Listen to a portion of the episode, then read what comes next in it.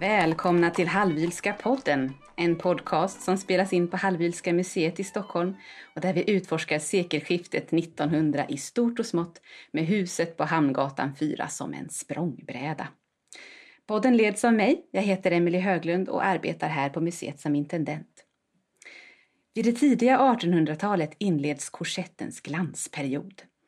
Samtidigt blir helkroppsspegeln tillgänglig för fler än de mest bemedlade och man kan se nya sidor av sig själv att granska. Synen på kroppen förändras också under den här perioden och eh, läkarkåren upprättar viktkurvor och tabeller för att definiera sunda idealkroppar. Så kroppen var ett högaktuellt ämne när vi närmade oss århundradets slut, samtidigt som mycket av det som rörde kroppsligheten var tabubelagt som till exempel de formande underkläderna som kom att prägla mångas vardagliga liv. Och I det här avsnittet så pratar vi om korsettens historia, som trots sin intima och laddade natur kom att väcka debatt och om vad man kan utläsa om kvinnokroppens historia genom den. Med mig i detta har jag pedagogen Hanna Leijon här från museet och skribenten och modekännaren Lotta Levenhaupt. Välkomna! Tack så mycket! Tackar, tackar! Och vi har Hanna med oss på länk, så det blir ännu ett eh, experimentavsnitt, men jag hoppas att det ska gå bra också den här gången.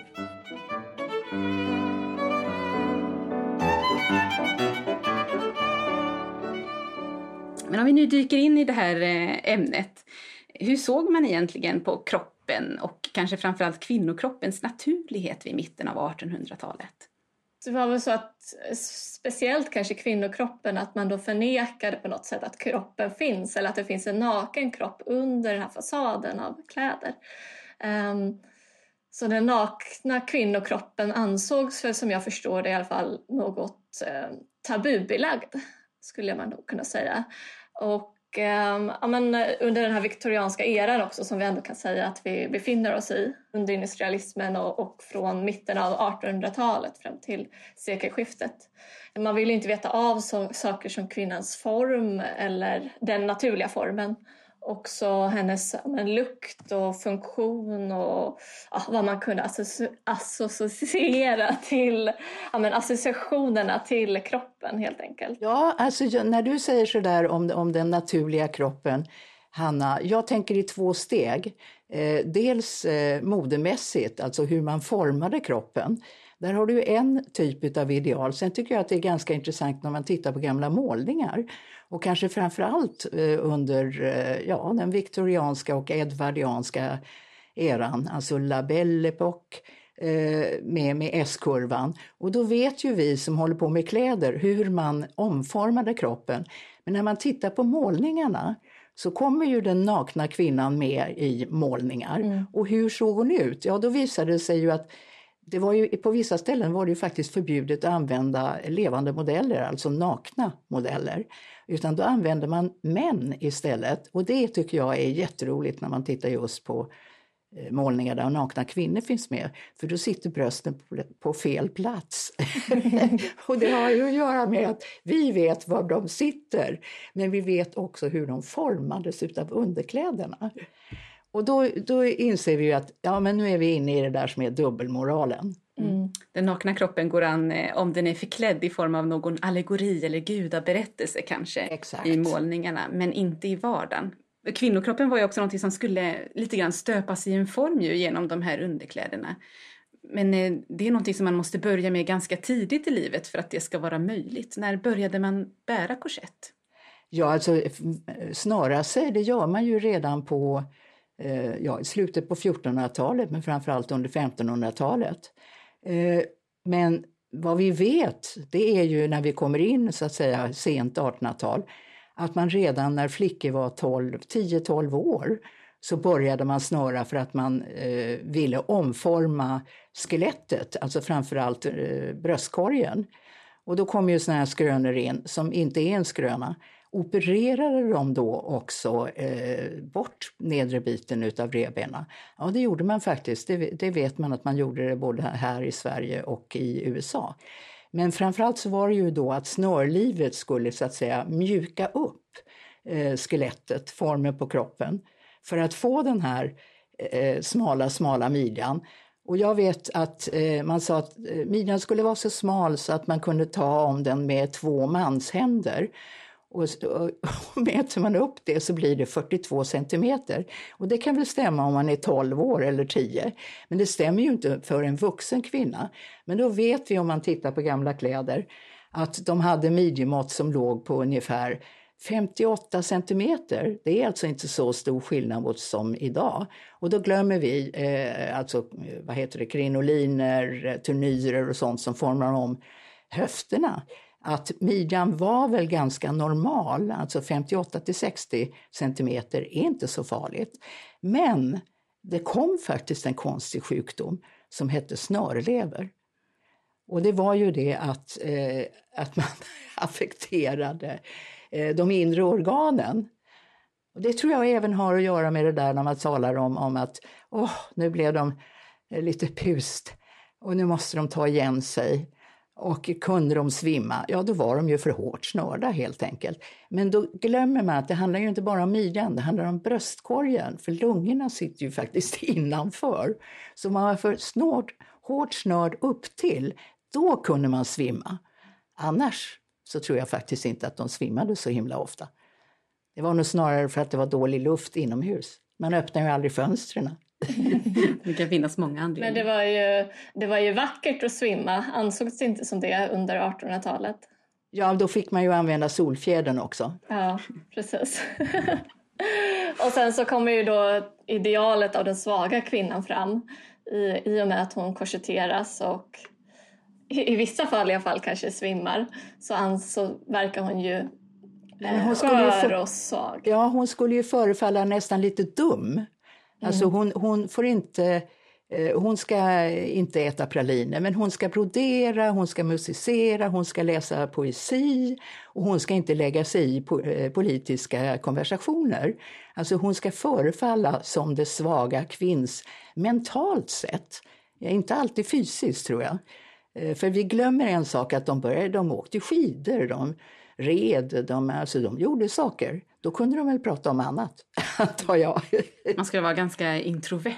Ja, men, men framförallt i det sociala livet så skulle man förefalla lite dum och då kanske det var bra om man hade sagt något dumt, att man började svimma lite och eh, fladdra sig med eh, näsdukar och solfjädrar. Men om vi återgår till eh, korsetten och hur man eh, omformar kroppen då, alltså från en ålder av 10 till 12 år. Betyder det att bröstkorgen också inte blir större än på en 12-åring? Nej, Eller är det midjan som det handlar om? Nej, men det är midjan. Det är alltså det nedre skiktet, de två nedre revbenen som ska liksom snurras åt och formas om. Och bär man korsett under hela dygnet eller är det bara vaken tid? Hur fungerar det? Vaken tid vad jag vet. Vad säger du? Ja, det är väl lite både och. Jag tänker de som, eller som jag förstår det, så de som snörde sig väldigt hårt under slutet av 1800-talet eh, och början 1900-tal så kanske man gärna också sov med en korsett fast man inte snörar den så hårt. Då för att det inte ska bli så himla hårt att snöra sen på morgonen. För då kanske du har ett midjemått, säg på 55 centimeter på dagen och sen så skulle du då sova utan korsett så blir det väl ändå att kroppen som jag förstår det ändå töjer ut sig lite eh, eller liksom går tillbaka eh, och då om du om du sover med en korsett fast inte lika hårt snörd så får du inte det där liksom hårda expansionen på något sätt.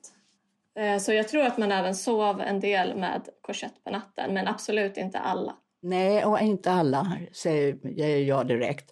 Därför att vi ska skilja på överklass och eh, arbetarklass. Mm. Och då vet vi att det var ju överklassens kvinnor som snörde sig hårt och som eh, ja, dessutom tvättade sina underkläder och så vidare, eller någon annan tvättade deras underkläder. Men arbetarklassen, de hade ju faktiskt också snörliv. Men mm. de tog definitivt av sig den på natten. Ja, där kan jag bara där kan jag instämma. Det tror jag också.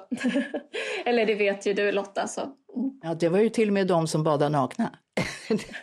Ja, apropå det här med nakenhet, eh, även om man inte bär korsett under natten, vad har man på sig när man sover? Nu tänker jag på det här med synen på den egna kroppen och hur mycket ser man nakna kroppar i, i sin vardag och sådär? Ja, inom överklassen så säger vi då att vi såg inte så mycket nakna kroppar, för man hade ju nattlinnen Eh, arbetarklassen sov också i sina underkläder. Alltså det fanns ju någonting som hette en undersärk. Och den använde man ju under snörlivet om man var kvinna. Eh, och den använde man nog hela veckan fram till lördagen, lögardagen. Men eh, i vanliga, alltså för vanliga kvinnor så var det av med alla de här och på med nattlinnet. Och då stod de väl inte och speglade sig, det tror inte jag. Nej. Nej. På tal om nakenhet eh, och skönhetsideal eh, så har jag ett litet roligt citat från Ellen. Hon har skickat ett brev till hennes eh, kärlek då kan man väl säga, Jonny Rosvall och det är 1911 och hon är på eh, semester tillsammans med hennes son Rolf de Maria. Ellen är ju då dotter till Wilhelmina, så Ellen Rosvall som hon gifte sig eh, när hon har skilt sig en gång. Och eh, ungefär så här skriver hon, jag ändrar några ord som är lite ålderdomliga så håller jag mig till lättare att läsa. um, Ja, nog ska det bli gudomligt att komma i land på Ceylon, som då är Sri Lanka idag, om man får gå naken. Men här sitter man i värmen iklädd ståkrage, livstycke eller snörliv, kjolar och så vidare. Och om nätterna har man en yllemaggördel, gräsligt. Jag skulle vilja dansa spritt språngande naken omkring på däck och så solbada i solen. Då tror jag det skulle vara gudomligt på en sån här sjöresa. Nu dödar klädseln och det konventionella. All både glädje och hälsa. Och ändå var hon frånskild.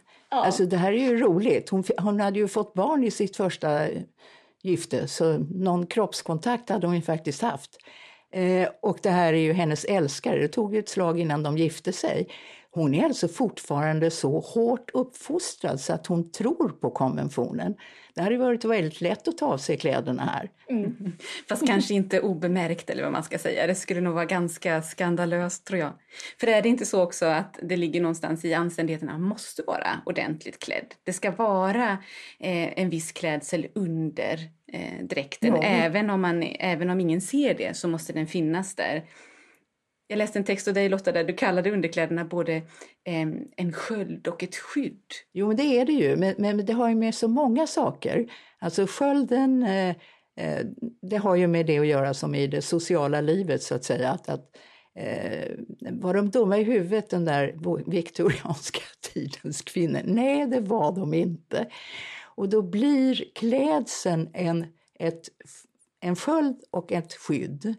Men samtidigt så är det ju det här skönhetsidealet som också gör att du har både sköld och skydd. Det är väldigt dubbelsidigt, både kläderna och alltså både över och underkläderna, den allmänna moralen, skönhetsidealen. Det är, det är liksom tre, fyra saker som samspelar. Mm.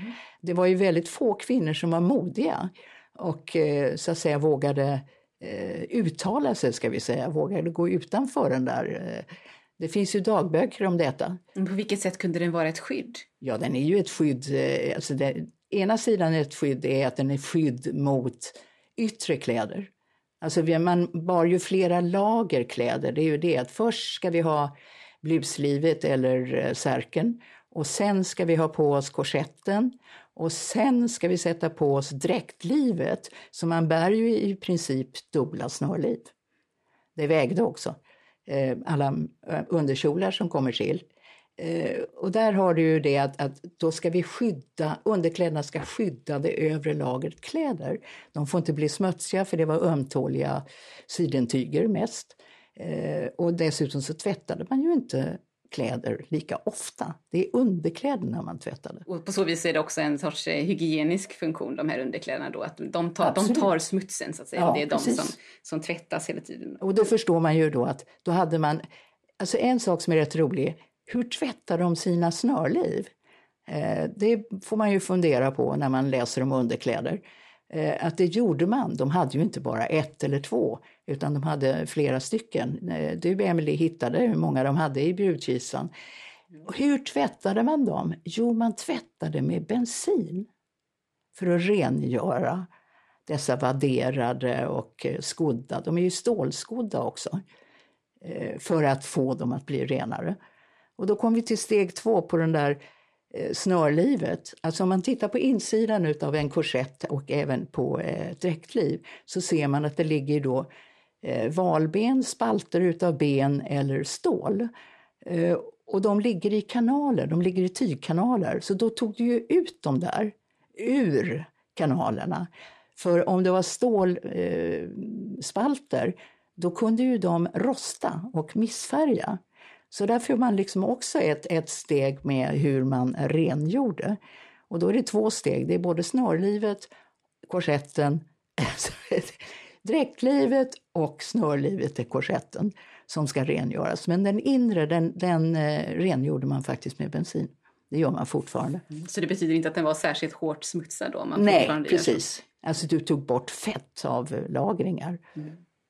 Och ja, apropå det där med hur många man hade, det var ju faktiskt i en text av dig som jag hittade det, vad, man, vad som fanns i en brudkista vid den här tiden, att det kunde vara sex dussin eh, korsetter. Ja. Eh, också sex dussin blusskydd då, som man alltså hade ovanpå.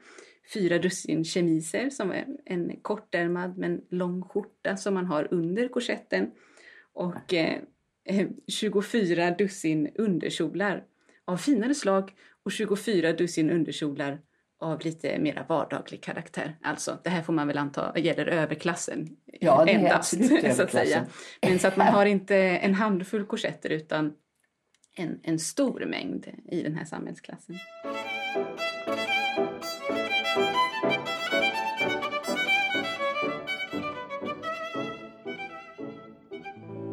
Men jag tänker på det också att eh, du också kallat eh, underkläderna för moralens väktare. Är det det som är skölden? Ja, det är definitivt skölden. För att det där snörlivet sitter ju på. Alltså när de ska till här nu och få flera barn. Då har de ju faktiskt fortfarande på sig moralens väktare. Han får inte se brösten. Mm. Full avklädnad var som sagt ovanligt. Men jag tänker att det också sätter någon sorts eh, ja, gräns emellan människor. Du, Hanna, visst hade du hittat någonting annat som Ellen hade skrivit om det här med att bära korsett eller inte bära korsett eh, om man skulle dansa? Ja, precis. Ja, men det var ju en, en av våra intendenter på en, Statens historiska museer, Sara Dixon, som tipsade faktiskt om det här brevet som hon har läst. Och det är ju då också ett skrivet eh, från Ellen då till Jonny Rosvall. Och eh, då skriver hon att eh, ja, hon skulle gå på en bal och hon hade blivit eh, uppbjuden till dans vid en middagsbjudning. Men hon blev väldigt otroligt obekväm för att hon inte hade en korsett på sig. Så hon tyckte det var väldigt pinsamt helt enkelt att dansa då under den här balen. Du menar att det skulle uppstå hudkontakt nästan? Ja, jag vet inte hur hon tänkte men att det kändes sådär att kanske att det ändå låg i tiden att hon skulle bära korsett och så hade hon ingen korsett på sig. Eh, eftersom han troligtvis säger någon dans som man håller kvinnan vid midjan och sen känner att hon då inte har någon korsett. Då tyckte hon det var pinsamt enligt det här brevet. Jag undrar om inte det har att göra med att eftersom kvinnokläder var så mycket tunnare än manskläder så om du känner en mans eh, hand eh, bakom ryggen, för de dansar ju alltså sådana danser där mannen håller i en, då känner du ju den nakna kroppen under kläderna. Och då, det kanske var det hon tyckte var eh, lite konstigt. Mm. Men när vi är inne på det där med, med dansa, eh, då vet ju jag, därför att Emily påminde mig om det, och det var att dansare, professionella dansare, dansöser, det fanns ju alltså speciella korsetter för just dansare. Och de var inte alltid baksnörda utan de snördes framifrån så att de själva kunde väl avgöra hur mycket det fick trycka åt eller inte för att de skulle orka dansa. Så alla de här kända dansöserna, Taglione och kompani, de hade alltså snörliv. De hade korsett på sig under själva eh, tutu och dräktlivet. De måste ha varit lite mjukare då, korsetter, eller? Nej, men det är ju det som är intressant med korsetterna, att om man börjar titta på den på insidan eh, och, och, och liksom tar i dem, då, då inser man ju att de här fjädrarna som det kallas, alltså eh, spalterna i valben eller stål, de är ju böjliga. Så att den, den är ju flexibel. Och det är det jag tror att många människor inte förstår, att den faktiskt den går och liksom eh, röra sig med. Eh, eh, nu tänkte jag på en annan sak som var plötsligt väldigt rolig. Sen så kunde man ju staga upp sig med det. Jag har just nu ryggskott, ett lätt men ändå. Och då kom jag på att jag vet att min mamma och pappa hade någon vän som hade korsett på sig där, för han hade väldigt ofta, han hade ischias, han hade ofta ryggskott. Så det är två sidor utav saken även där. Det kan säkert vara ett stöd på många sätt. Ja, jag önskar nog nästan att jag hade en nu. Där finns det lite också, det finns ju många så för och nackdelar med korsetten och också i tiden när den användes så fanns det ju ändå de som var för korsetten och emot korsetten. Ehm, de som var emot korsetten var ju eh, generellt såklart de som ja, satte om det, hur omodernt det var att hålla kvinnan snörd så hårt i en korsett och så vidare. Eh, men då fanns det också läkarkårer som menade att att det var bra för den svaga kvinnan att då bli snörd, så att, eller den svaga kvinnan som har ont i ryggen, att då bli snörd så att hon håller sig rak. Ehm, att det då fanns hälsofrämjande ehm, incitament. Hanna, det där är underbart. Alltså, du, tar, du säger du skiljer på läkarna och nu kommer vi in på det här hemskt intressanta. Feministerna de första feministerna är det ju egentligen vi talar om. Dräktförformrörelsen, den drevs ju inte alltid av män, den drevs av kvinnor. Som då ville ha en ny typ, eller i alla fall här i Sverige, så, så ville man ha en ny typ av kläder, framförallt underkläder då, som lättade på trycket. Men även att man hittade på eh, vissa reformkläder. De var oerhört tråkiga och fula. Och det vet vi också om vi tittar, då kan vi titta på målningar igen, eh, på, på, på eh, Oscar Wilde-tiden, vad heter han, Milne. Eh, och då gjorde de som, den ser ut som en artistrock, den har liksom inte en årsnörd midja. Ja, då blev ju alla kvinnor och antagligen även läkare tyckte, gud vad tråkiga de ser ut nu när man inte ser midjan. Och det här är ju då 1880-tal. Då är vi tillbaka till det där med skönhetsidealet. Att, nej, man vill inte se kvinnor oformade, om vi så säger. De skulle inte se ut som liksom ett litet barn i en eh, kolt. Men var det, som sa, var det Dior som sa att eh, utan begränsning så finns inget mode? Nej, det är säkert han som har sagt. Eller kan vara Shakespeare också, för han har sagt jättemycket roliga saker om, om kläder. Men jag tänker på drottning Victoria. Eh, hon, hon, eh, hon var ju så, eh, jag ska säga, moralisk. Det blev hon sen när hon blev änka. Så då, eh, för vad vi vet så var hon ju väldigt glad i sin Albert. Inte bara så där att hon tyckte han var trevlig, men de hade kul i sängen, det vet vi. Nio barn fick de. Men när hon blev änka och det blev liksom tråkigt och hon bara klädde sig i svart hela livet, då ville hon till och med att stolarna i salongen skulle ha långa kjolar på sig så man slapp se benen. Den det är hög moral va? Mm. Det här är alltså drottning Victoria av England kanske man ska Ja, det ska man nog säga. Eftersom det har funnits en sådan i, i Sverige också vid den, vid den här tiden, men det är alltså inte henne.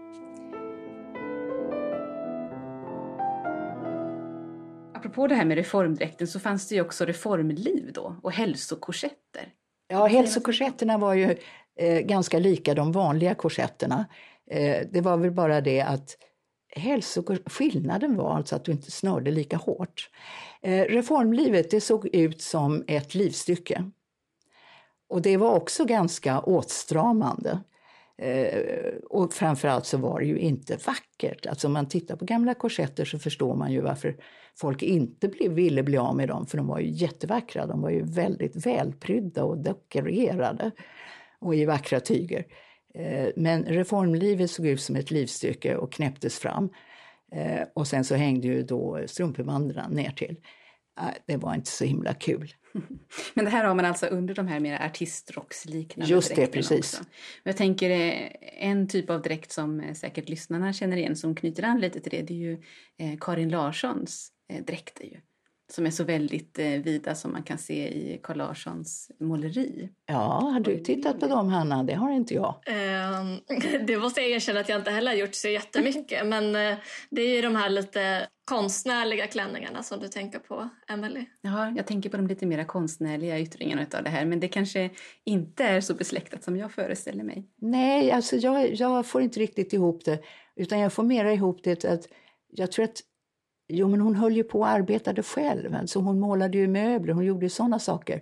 Så är det inte att hon kan ha haft typ som en artistrock, skyddsrock. Det hade ju gubben också när han målade. De ville inte ha fläckar på sina kläder.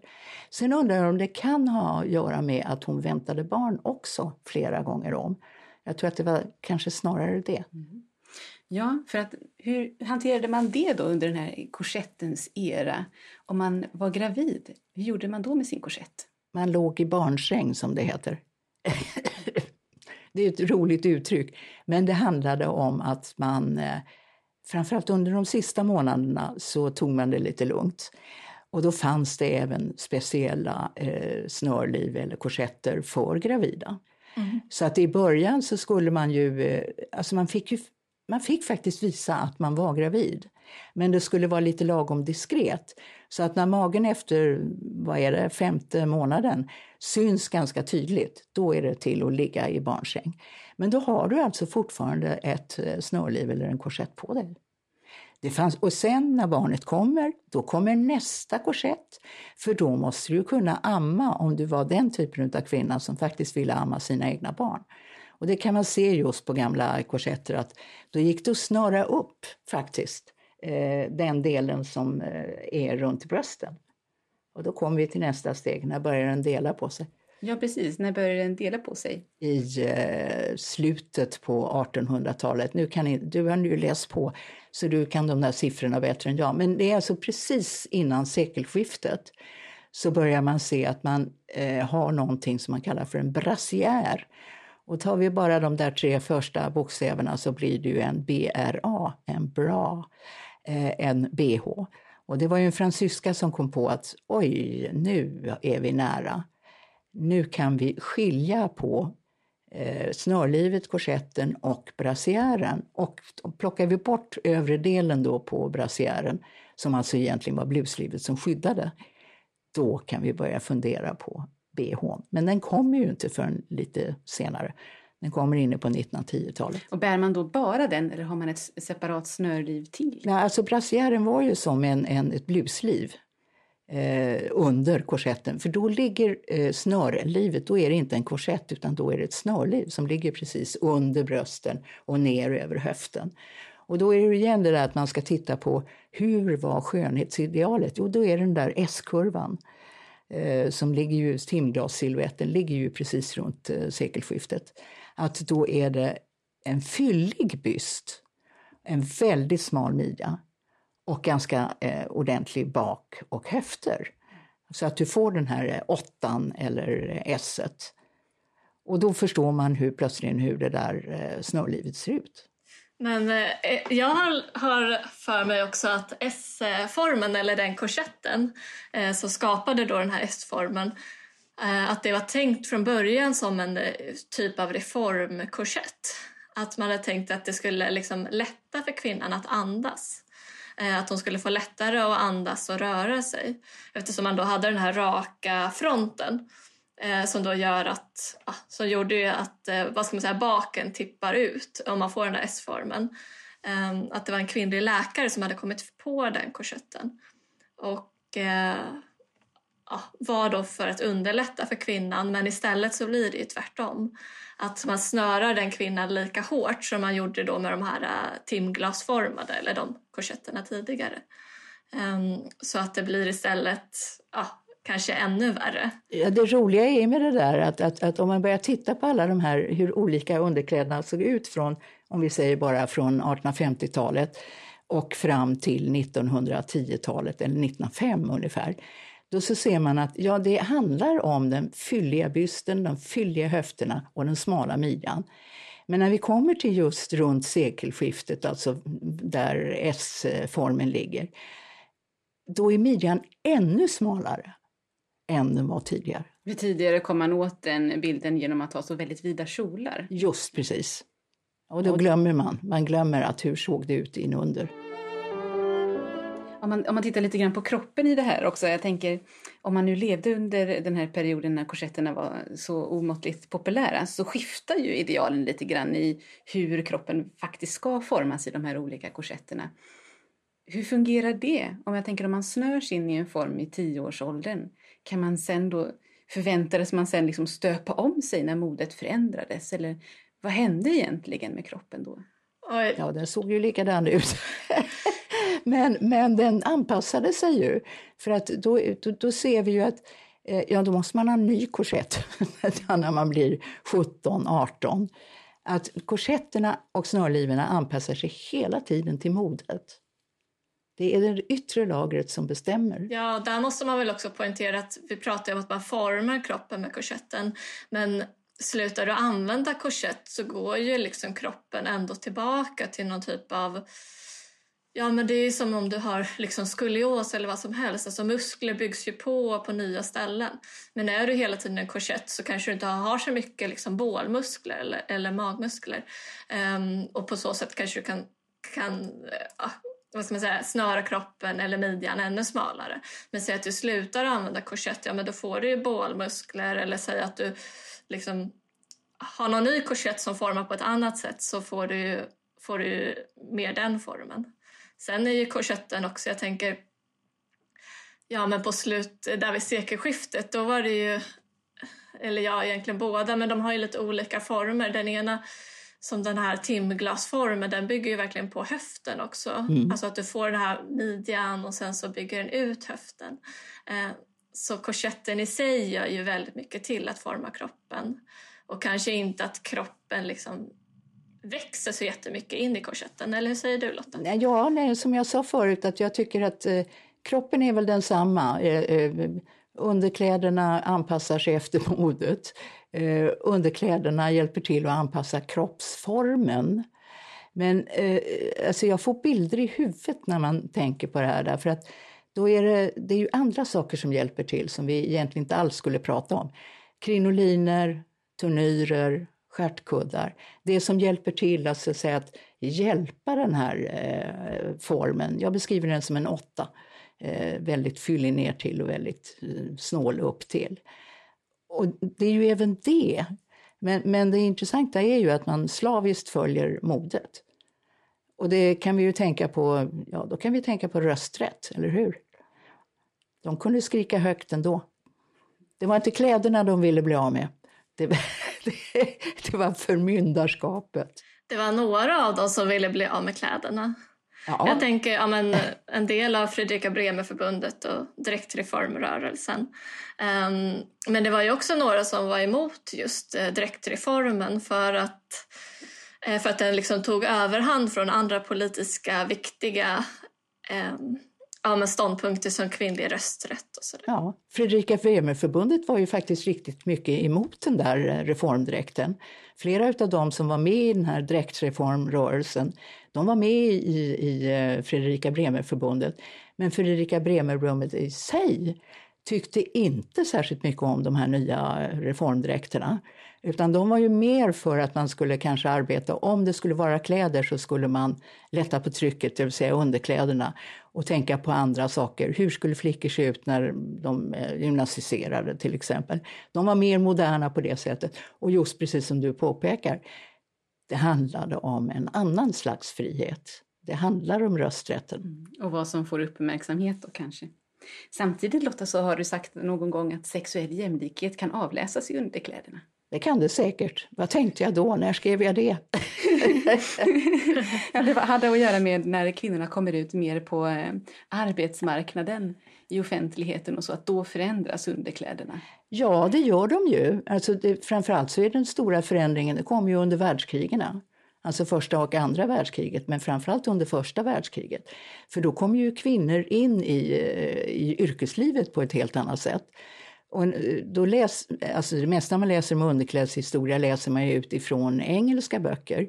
Och då inser vi att just det, engelsmännen led hårt under första världskriget. Och eh, då får de sätta på sig både långbyxor och overaller och lätta på trycket där på midjan. Så där kan man väl säga att eh, ja, men det är ju jämlikhet. Nu, när kvinnor kommer in i det manliga yrkeslivet och fortfarande har, så blir underkläderna också jämlika. Sen tycker jag att man måste tillägga, jag tänker ofta på det där med rösträtten och snörlivet, att det påstods under den tiden då när eh, suffragetterna kommer att de kunde ju inte andas korrekt, de där svaga kvinnsen, tyckte man. Men jag säger alltid, bara för att man har snörliv på sig kan man absolut både prata och andas. För det relaterar inte bara till... Syret kommer upp i hjärnan ändå. Det är ju det det handlar om.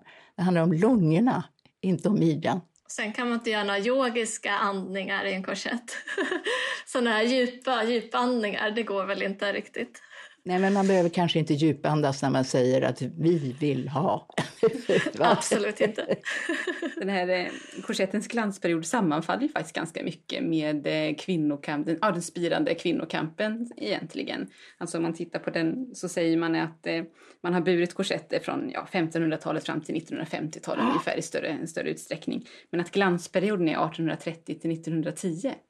Och det, det, är ju också då som, som de här frågorna dyker upp mycket i, i, i samhällsdebatten. Det tycker jag är lite intressant. Det är jätteintressant. Och när kommer den första rösträtten? Det är New Zealand eller eh, där borta är det i alla fall. Det är precis innan sekelskiftet. Sen, sen följer ju rösträtterna med kriget, alltså med första världskriget eh, och den politiska utvecklingen. Men de har ju fortfarande de har korsett på sig. Eh, nu, nu ska vi inte glömma att det är ju väldigt ofta borgarklassens och överklassens kvinnor som, som propagerar. Det sammanfaller ju såklart också med industrialiseringen och jag tänker att det måste ju också ha påverkat tillgängligheten. Eh, att det kommer nya tillverkningsmetoder i och med det industriella. Det kommer också ja. nya material. Mm. Hanna, du ville flika in någonting också där? Ah, nej, nej, jag skulle bara säga nej, men exakt att eh, just med industrialismen så kan man ju ja, men producera mycket mer också. Men det är ju också, det, det många trodde som jag förstått det är ju att eh, korsetten skulle liksom gå ner, alltså att det skulle bli mindre användning av korsetten i och med industrialismen, i och med att eh, kvinnan blev mer, eller att samhället blev mer upplyst kanske man får säga. Ehm, att man kunde producera andra typer av kläder och plagg. Eh, men istället så blir det att man kan producera ännu fler korsetter, eh, vilket gör då att alla i samhället i princip kan få ta del av korsetter på ja, mer eller mindre lyxiga varianter. Eh, så man kan ju producera väldigt mycket mer korsetter och det är väl kanske också därför korsetten nu analyserar jag bara, men det kanske också är därför korsetten når någon slags kulmen där vid ja, men sekelskiftet. Ja, det, men det hör ju ihop med, med, med industrialiseringen och rösträtterna, kvinnokampen. Att eh, eh, nu kommer ju massproduktionen in. Och precis som du Hanna säger, att eh, jo, men nu, är det, nu, nu går det ju att tillverka, masstillverka Förut så var det ju alltså hemsömerskan och ateljéerna som sydde korsetterna. De var ju skräddade, men nu kunde de masstillverkas. Och sen så kommer ju också konfektion in i bilden. Då är det, det är till och med 1860-tal. Vi var lite sena här i Sverige. Eh, och den får man inte heller glömma. Att det betyder ju att allmänheten, alltså vanliga kvinnor, får ju plötsligt en helt annan tillgång till de där egentligen överklassiga kläderna. Det som är hemskt i det här tycker jag nu, eftersom jag håller på med en utställning om en gammal ateljésömmerska som hette Augusta Lundin. Hon sydde inte några korsetter, men hon sydde ju klänningarna. Då försvinner praktiskt taget ett helt, eh, en helt yrkeskår, nämligen ateljésömmerskan.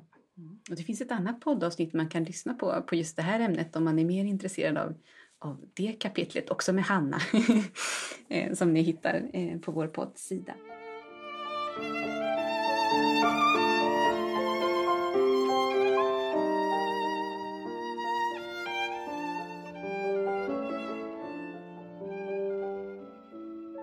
Just det här som vi pratar om nu, eh, kvinnorörelsen, industrialiseringen, korsetten blir mera tillgänglig och samtidigt så använder man den kanske lite grann som ett argument emot kvinnornas eh, frigörelse.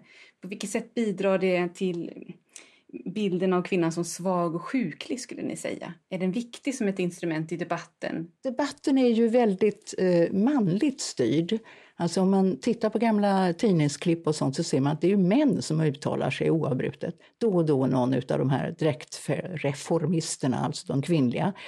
Eh, de, vi andra, om jag säger så, vi får inte upphäva vår lust. Det är ju det som är så märkligt. Vi får inte delta i debatten. Men vi kan behålla snölivet. Ja, men det var väl som tiden, tiden såg ut. Jag tänker med ja, medikaliseringen, att man mm. liksom på något sätt ville... 1800-talet så vill man ju verkligen eh, undersöka och eh, ja, men undersöka kvinnokroppen, eh, också barn vid den tiden. Mycket, för att innan har man bara fokuserat på mannens kropp. Eh, och då, ja, då var det främst kvinnokropparna som man ville då urskilja. Och, och där blev det ju på något sätt också att man skulle undersöka vad som var norm och vad som var eh, avvikande. Och det fanns ju också mycket handböcker eller typ av medicinska skrifter vid den här tiden mm. som, som liksom, då man fotograferade, nak på tal om nakenhet. Och där, där får jag faktiskt inte riktigt ihop det men det var väl ett sätt att fortbilda sig kanske.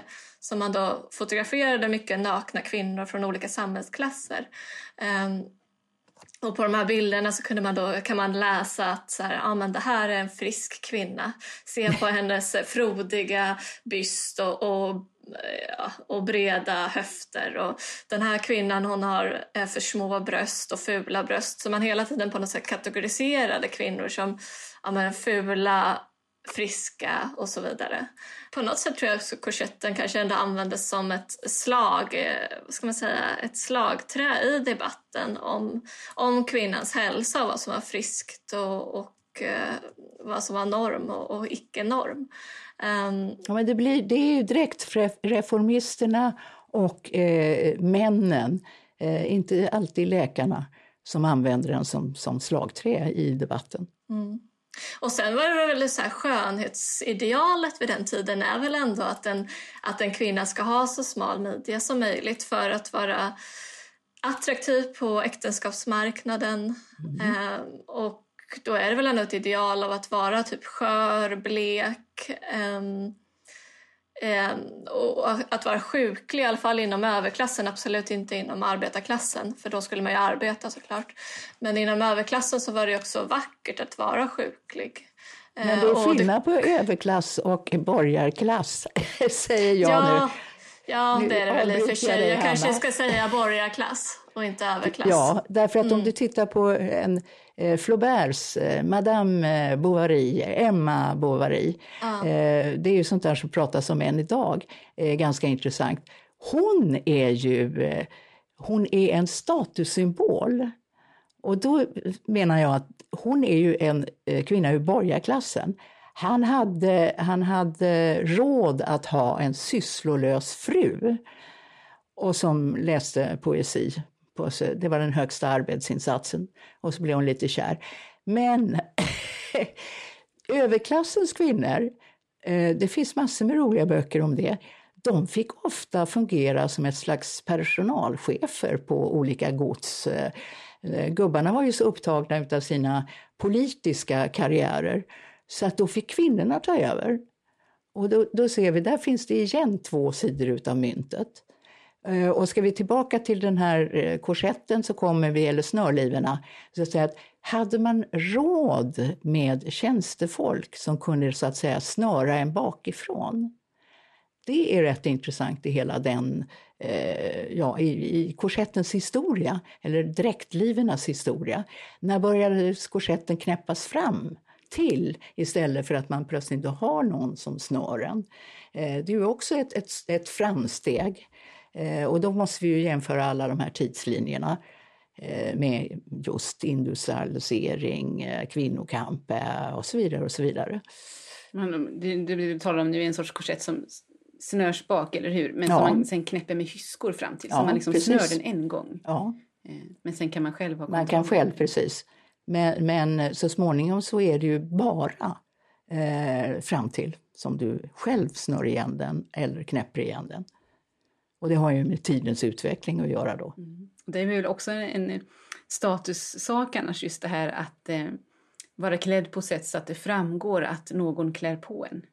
Exakt. Att man har råd med den typen av, av Ja. personal och sådär. Ja, och det har ju också som sagt, ja, det är vi också tillbaka på industrialismen och, och också tillgången till mer tyg och att och också borgarklassen tillgången till mer, mer pengar såklart. Att kunna liksom hålla på med det här lite i ögonfallande konsumtionen och sättet att klä sig. Um, så, som modet ändå speglat väldigt mycket av under slutet av 1800-talet. Ja, det intressanta är att då kommer de första så kallade klassresorna eh, som kan kopplas till kläderna med de sysslolösa kvinnorna. Alltså borgarklassens sysslolösa kvinnor. Men det är väl det som på något sätt blir någon sorts triumf. Att ha, att ha gått ifrån en situation där Mm. alla i familjen måste arbeta och, och bidra till familjens försörjning till att ha råd att ha någon som står utanför. Och då blir det så oerhört viktigt på något sätt. Ja.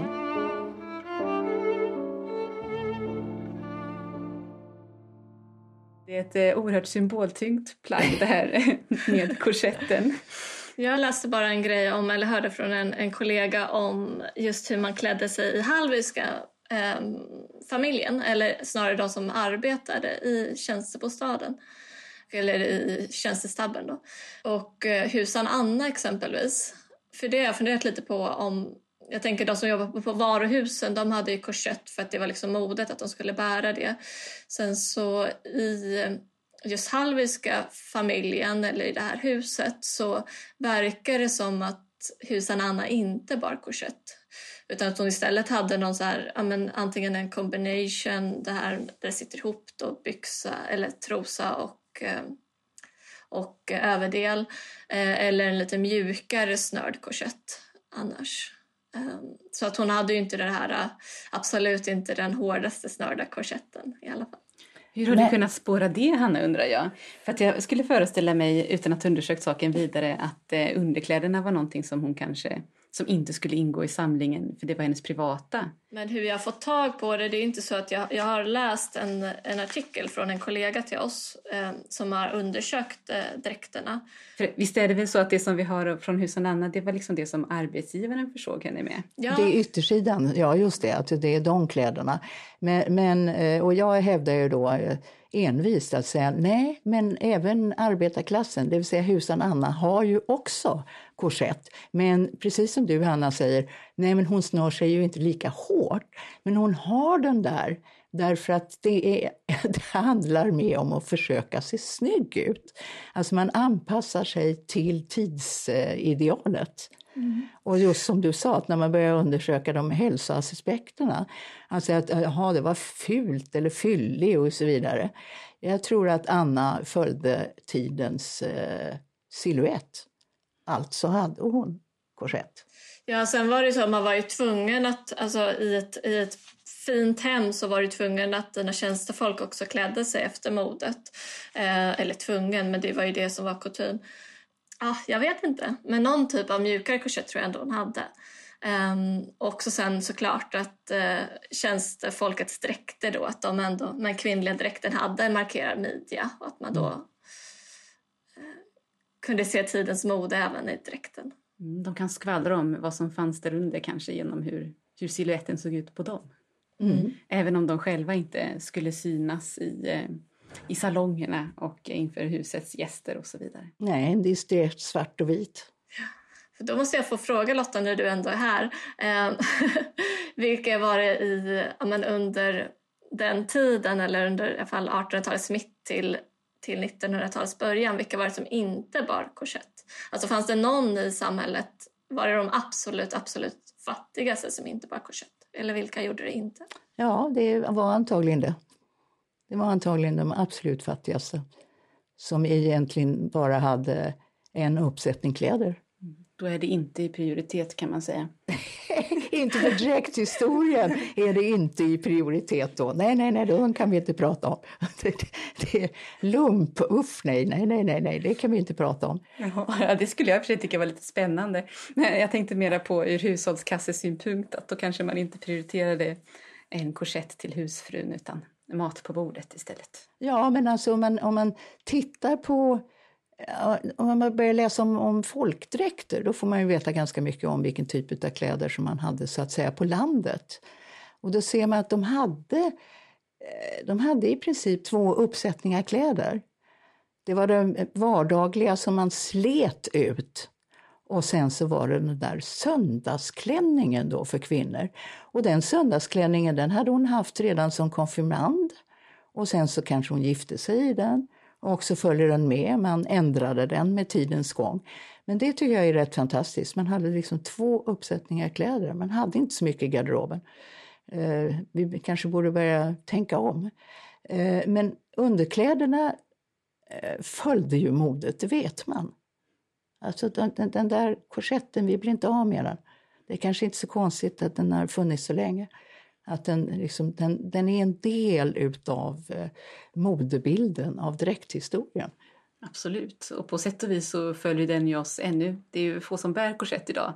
Men lite grann kan ju korsettets eh, ideal leva kvar i förväntan på hur en kropp ska se ut. Den hamnar på utsidan. Ja, eller på gymmet. Ja, precis. Nu är det muskulaturen som istället ska få, muskulaturen och sunda vanor som istället ska ge oss de här slanka midjorna. Sen var det väl många som blev väldigt upprörda när Kim Kardashian tog tillbaka korsetten, eller hon började använda den för några år sedan. Eh, då höjdes det många arga röster i alla fall, vad jag såg. Ja, vems arga röster var det undrar jag då? Var det några arga, arga här i Sverige? De brukar vara argast här i Sverige när det gäller sånt. Ja, det var det, det jag hörde var i Sverige, precis. För att om du tittar på min gamla bransch, då, modevärlden, eh, då blir de ju jättelyckliga när, när eh, inte Kardashians bara, utan eh, Beyoncé och Lady Gaga. Och gud vad de har smala midjor och så att säga en korsetterad silhuett. Och då blir alla jätteglada. Och så är vi tillbaka då. Varför blir de så lyckliga över det? Nej, men då är det, det är den här timglaset, S-kurvan. Att det, är, det, det där skönhetsidealet kommer man nog aldrig att bli av med. Att det är någonting som är vackert med det. Mm. Det har lite grann också etsat sig in i bilden av, av kvinnokroppen. Ja. ja, men det är ju ett skönhetsideal som... Eller jag tycker också mycket av den här moralen på något sätt som finns under, under Ja, men under just eh, sekelskiftet att den på något sätt också finns kvar lite sådär under ytan idag. Eh, hos oss kvinnor i alla fall, att förhålla oss till. Ja, kanske skulle bejaka det mer. Eller inte. ja, det kanske är någonting som vi får eh, lämna till lyssnarna att eh, dra egna slutsatser och ståndpunkter kring. Jag tror att vi får runda av avsnittet här. tack så mycket Hanna och tack så mycket Lotta för att ni ville tack vara själv. med i det här avsnittet. tack så jättemycket. Och tack alla ni som har lyssnat.